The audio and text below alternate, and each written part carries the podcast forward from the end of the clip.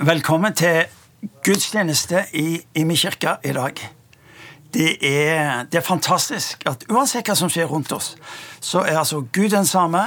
Du og meg omtrent litt de samme. Så møtes vi på litt forskjellige plasser.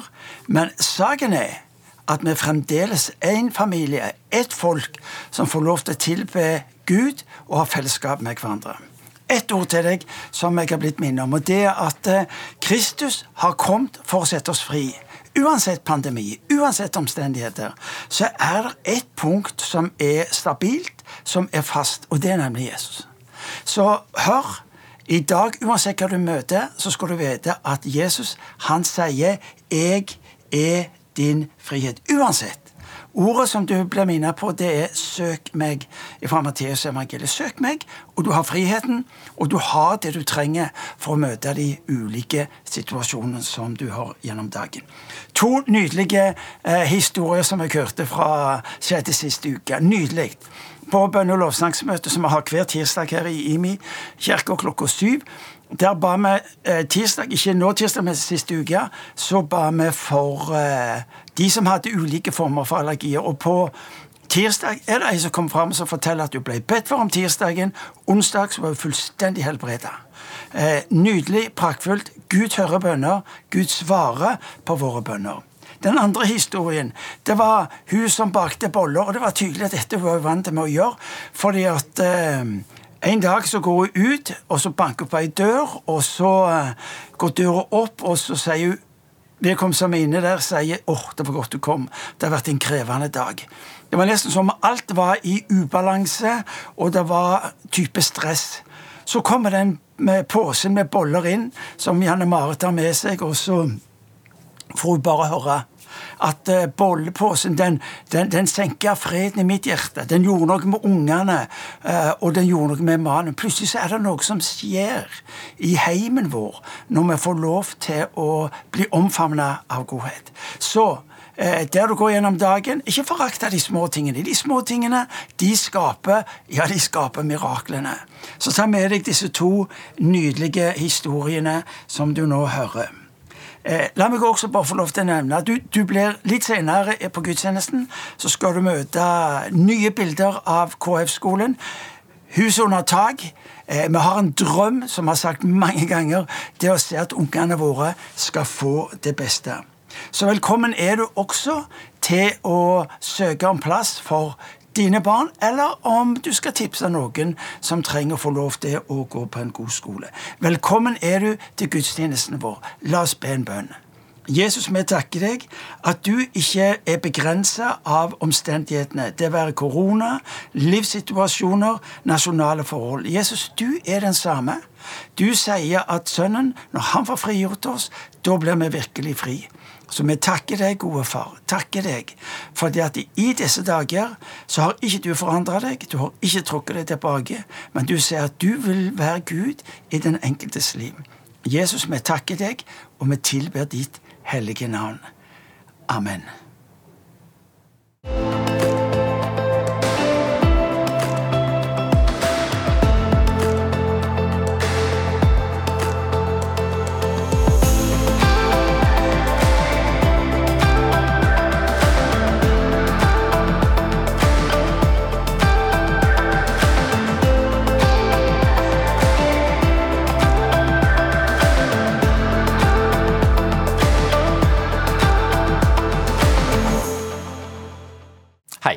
Mitt navn er Kjartan Sørheim, og jeg er leder for arbeidet vårt i Thailand. I dag har jeg lyst helt kort å få dele en historie med dere som har vært til sterk inspirasjon for meg. Hvis dere har lyst til å lese denne fantastiske historien i sin helhet, så kan dere gå inn på imikirken.no og lese den siste bloggen til Live Fossen Gundersen. Dette er en blogg som forklarer en historie om en menighet i Nordøst-Thailand som heter Kivit Mai. Denne menigheten har vært med i Agenda 1 læringsfellesskap over en periode på ca. to-tre år. Når de nå måtte stenge ned, på samme måten som vi måtte gjøre det her i Norge for ca. et halvt år siden, så greip de virkelig muligheten til å ta disse læringene som de har fått gjennom Agenda 1, og anvende de i praksis. Det vil si at de ikke lenger var låst fast i et mønster om at det å være menighet betydde å komme sammen på et gitt sted til en gitt tid. Men de forsto at å være menighet, det er å leve våre liv som disipler ut i vår hverdag. Gjennom eh, denne perioden her så har vi nå sett at når de nå kom tilbake etter at de nå fikk anledning til å møtes igjen, så har de dobla menigheten sin. De gikk fra hverandre som et gudstjenestefellesskap av 50 mennesker. Når de åpna igjen, så var de 100.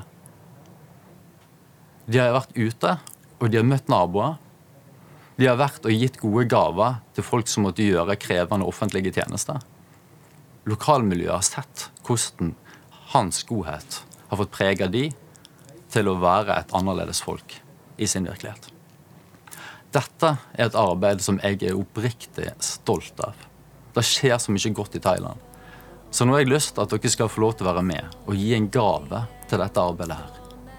Denne gaven kan du gi via VIPS, og VIPS nummeret det er 11835.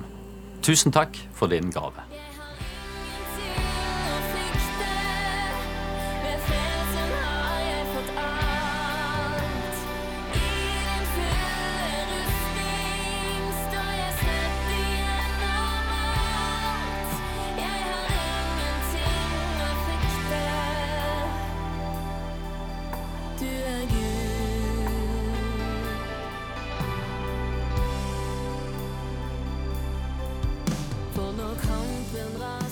Vi er på vei inn i adventstida, og jeg hadde lyst til å bruke denne muligheten til å gi et fokus for den tida som ligger foran oss.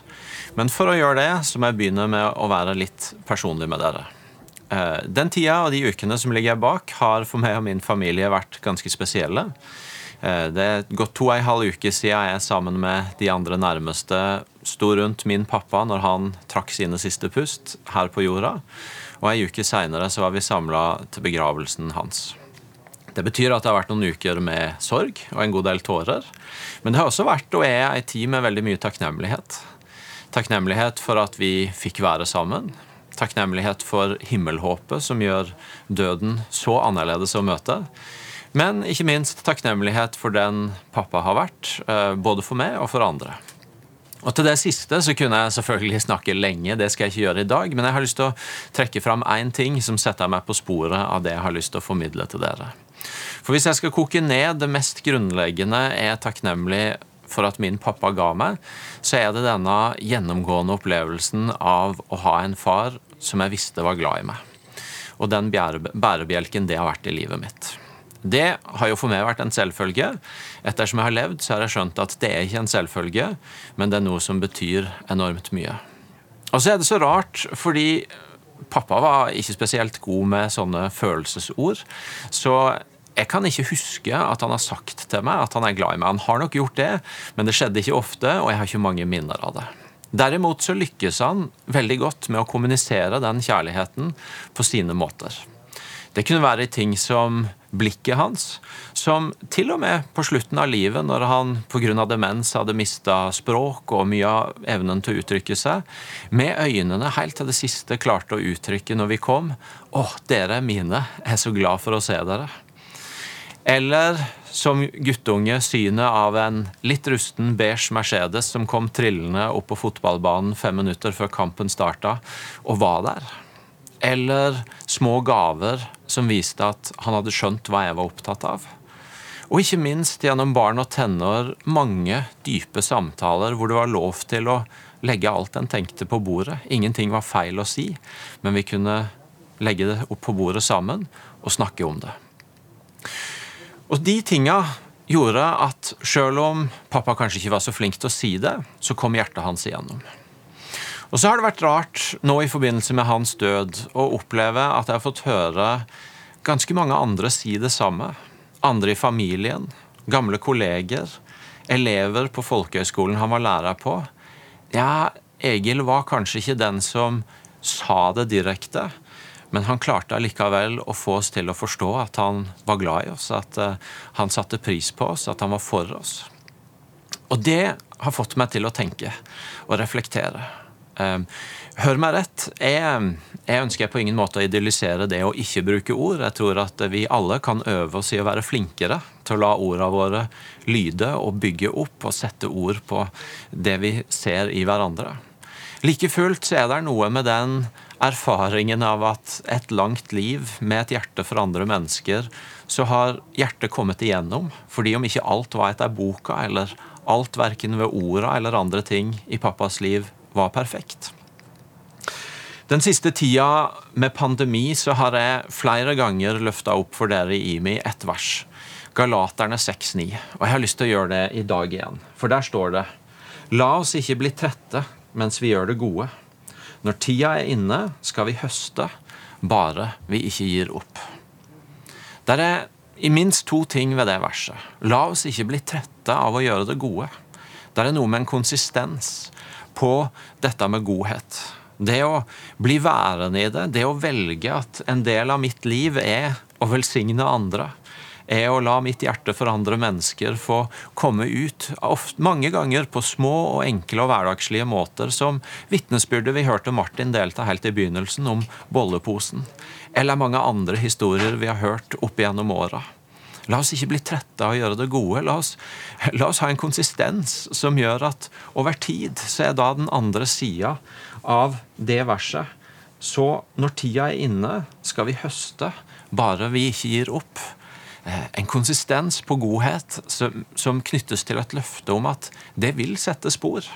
Det vil gjøre inntrykk, det vil bære frukt. Uh, uavhengig av om vi akkurat her og nå eller i den gitte situasjonen ser det eller ikke. På samme måte som jeg nettopp har fortalt dere historien om min pappa som mange av de tinga som har kommet fram nå, er gjerne ikke ting som har blitt satt ord på underveis. Men konsistens over et liv av å ha et hjerte for mennesker har allikevel satt spor. Og Galaterne 6,9 lover oss det samme. La oss ikke bli trøtte av å gjøre det gode. Og når tida er inne, så skal vi få høste. Dette med godhet er noe vi ofte snakker om i IMI. Og denne høsten så har vi hatt et fokus på Jesusmøter og bilder av Jesus. Og vi sier ofte i IMI at enkelt sagt så er det tre ting som kjennetegner Jesu liv. Det er orda han brukte i møte med mennesker. Det er de under og mirakler som fulgte han der han gjorde, der han gikk. Og det er den godheten han møtte mennesket med. Og Derfor er det en god sammenheng mellom det fokuset vi har fått ha de siste månedene, og det snakker jeg med dere om nå, nemlig godheten som noe av det som fulgte Jesu liv. Og så er det sånn at Mange eksempler på godhet, både fra Jesus, men ikke minst når, når, vi ser godhet fra andre mennesker i Bibelen, har også dette med seg at ikke alt er nødvendigvis perfekt. Eller det kan være ting vi fra et menneskelig perspektiv stusser på nå, eller andre rundt stusser på da. For så leser vi i Johannes 2 at Jesus redda et bryllup med å gjøre vann til vin. Jeg har mange ganger undra meg på hvis du først har Guds sønn på jorda til å rydde litt opp i ting, hvorfor begynner han med å gjøre vann til vin i et bryllup? Det fins da mange viktigere ting. Men Jesus rangerer ikke hva som er viktig, men godheten følger hans liv. Du har denne kvinnen som, som, som kaster seg ned og salver Jesu føtter med en dyr salve. Og noen stilte spørsmål ved om ikke det var sløsing. Andre tenkte gjerne på om hun var verdig til å gjøre det, for vi forstår av det Jesus sier, at ikke alt i hennes liv heller var på stell. Men Jesus anerkjenner den gjerninga hun gjør, den godheten, og for hennes del tilbedelsen i møte med Jesus, som ligger i det møtepunktet. Vi leser om ei fattig enke som, som, gir det lille hun har, eh, i gave til tempelet. Og Fra et menneskelig perspektiv så kunne vi tenke det er da ikke mye. Hva, hva betyr det? Det er mange andre gaver som er større. Og så hører vi Jesus anerkjenne, men hun ga av det hun hadde, og den gaven setter spor. Og Jeg kunne fortsatt de eksemplene, men jeg håper dere får tak i poenget mitt. Der er noe med at det kan alltids være ting vi setter spørsmålstegn ved. Er det, er det perfekt? Er det eh, det mest rasjonelle? Men i Guds økonomi, i Guds rikes virkelighet, så anerkjennes den godheten en kommer med. Um, uavhengig av livets omstendigheter ellers. Og nå er vi i ei tid hvor jeg tror landet vårt, byen vår, trenger mennesker som velger å ikke bli trøtte av å gjøre det gode. Vi leser om ensomhet i pandemitida. Sist lørdag så hadde jeg i vår egen menighet Anne Kristin, en flott artikkel i Aftenbladet om at ensomhet ikke må bli den nye pandemien. Hvor hun forteller nært om hvordan det har berørt hennes egen familie. Jeg snakker med folk som jobber i helsevesenet, som sier at vi har ikke statistikker og tall på det, men vi merker det. Vi merker folk som kommer inn, og hvordan konsekvensene av denne tida med pandemi eh, går inn på folks livssituasjon, folks mentale helse. Det berører folk. Dette er ei tid hvor også de virkningene for alvor begynner å komme fram. Og vi trenger mennesker som velger små ting gjort i kjærlighet. Og så har jeg lyst til å si til dere Jeg har skrevet ei bok om godhet. Godhetseffekten. Og jeg, fordi jeg har den jobben jeg har, og, og, fordi jeg er opptatt av det, får ganske ofte lov til å være rundt og snakke om godhet og slå litt på tromma for at godhet er viktig, sånn som jeg gjør akkurat nå. Og Det er på den ene sida et stort privilegium for meg, fordi jeg har så tro på det. Jeg tror at det er Jesus-likt. Jeg tror at det har en enorm betydning, og jeg har fått både erfare i mitt eget liv gleden av å være en del av det, og kraften i at det berører mitt liv når andre møter jeg meg med godhet. Jeg tror at det er en enorm sprengkraft i det. Så det er et privilegium å få lov til å gjøre det. Og samtidig så skal jeg være ærlig på at noen ganger så kan det også være ganske krevende. Fordi jeg er veldig i kontakt med til tider alt det som ikke er godt i mitt liv. Og min egen evne til å være den som går forbi, eller som ikke greip muligheten, eller som finner gode unnskyldninger for at ikke jeg kunne se det som lå rett foran meg. Og når jeg begynner å åpne den døra og begynner å spinne ned den veien, så kan det bli ganske guffent av og til. Og en kan spørre seg kan jeg snakke om dette med troverdighet. Er det rett av meg å stå og snakke om dette når, når ikke godheten har fått enda større rom i mitt eget liv? Og så er det trøst i å lese disse fortellingene om, eh, om, om, hvordan ikke godhet i Bibelen heller alltid var perfekt, men allikevel fikk ha betydning. Det er håp i å møte historien til min pappa om at om heller ikke der alt var etter boka, så fikk jeg et langt liv med et hjerte for mennesker sette spor. Og det er mot og frimodighet i å lese Galaterne 6,9. At la oss ikke bli trøtte av å gjøre det gode. Og når tida er inne, så skal vi få høste bare vi ikke gir opp. Jeg tror at adventstida er tid for godhet.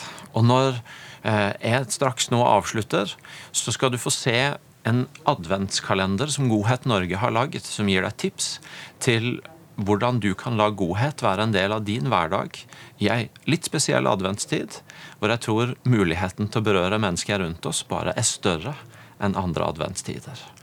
Og Så kan du få se på den adventskalenderen, og så kommer Martin med noen spørsmål til deg etter hvert, som gjør at jeg håper du vil spinne videre på kan dette få være ei adventstid i godhetens navn. Skal vi be en liten bønn sammen? Jesus, takk for den du er, og takk for at ditt liv var merka av godhet. Og takk for at vi som dine etterfølgere skal få lov til å leve i det samme sporet. Takk for at godhet, inspirert av ditt liv, virker sjøl om ikke vi er perfekte, eller alt vi gjør, er perfekt. Men at vi allikevel kan få ha en frimodighet på at eh, Og så, med den godheten du har vist oss, kan få bety en forskjell i andre menneskers liv. Vi ber deg om at du leder oss og kaller oss ut til mennesker i vår by og i vårt land som akkurat nå på en spesiell måte trenger et berøringspunkt med din godhet. Amen. Eh, fantastisk. Takk skal du ha, Elling, for nylig undervisning. Og bare la meg minne på noe som han sa. Hvis du ikke har skaffa deg den boka, så må du gjøre det.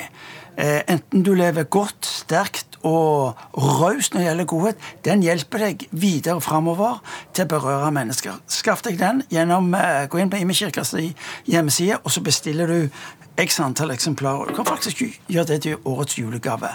Sørg for å spre den videre. Her Elling har gitt oss eh, tre spørsmål som vi da skal få lov til å ikke bare snakke om i huskirken, som er viktig, men også som du kan få lov til å gå der og gnure på litt i ditt eget liv. Det første spørsmålet er hvordan ser godhet ut i ditt liv i den tiden som er nå? Hvordan ser godhet ut i ditt liv i den tiden som er nå? Det andre spørsmålet er hender det du mister frimodighet på godhet. Ja, hva gjør du med det? Hender det at du mister frimodighet på godhet? Hva gjør du med det? Og til slutt, hvordan kan godhet, uh, godhet sin adventskalender være en ressurs for deg uh, eller i din huskirke? Før jeg avslutter uh, I min kirke forstår at vi er nødt til å hjelpe hverandre til de små fellesskapene. Derfor har huskirka og huskirkene i Imi kirke blitt en nøkkel, ikke minst i denne tida. Eh, vi har mange mennesker som ønsker å være med i mindre fellesskap. Du er hjertelig velkommen til å være med i huskirka eh, for nettopp å oppleve tilhørighet, få den hjelpa du trenger til å bety denne forskjellen i din hverdag. Velkommen er du til å ta kontakt på Imi kirke sin hjemmeside. Gud velsigne deg, og ha ei velsigna uke.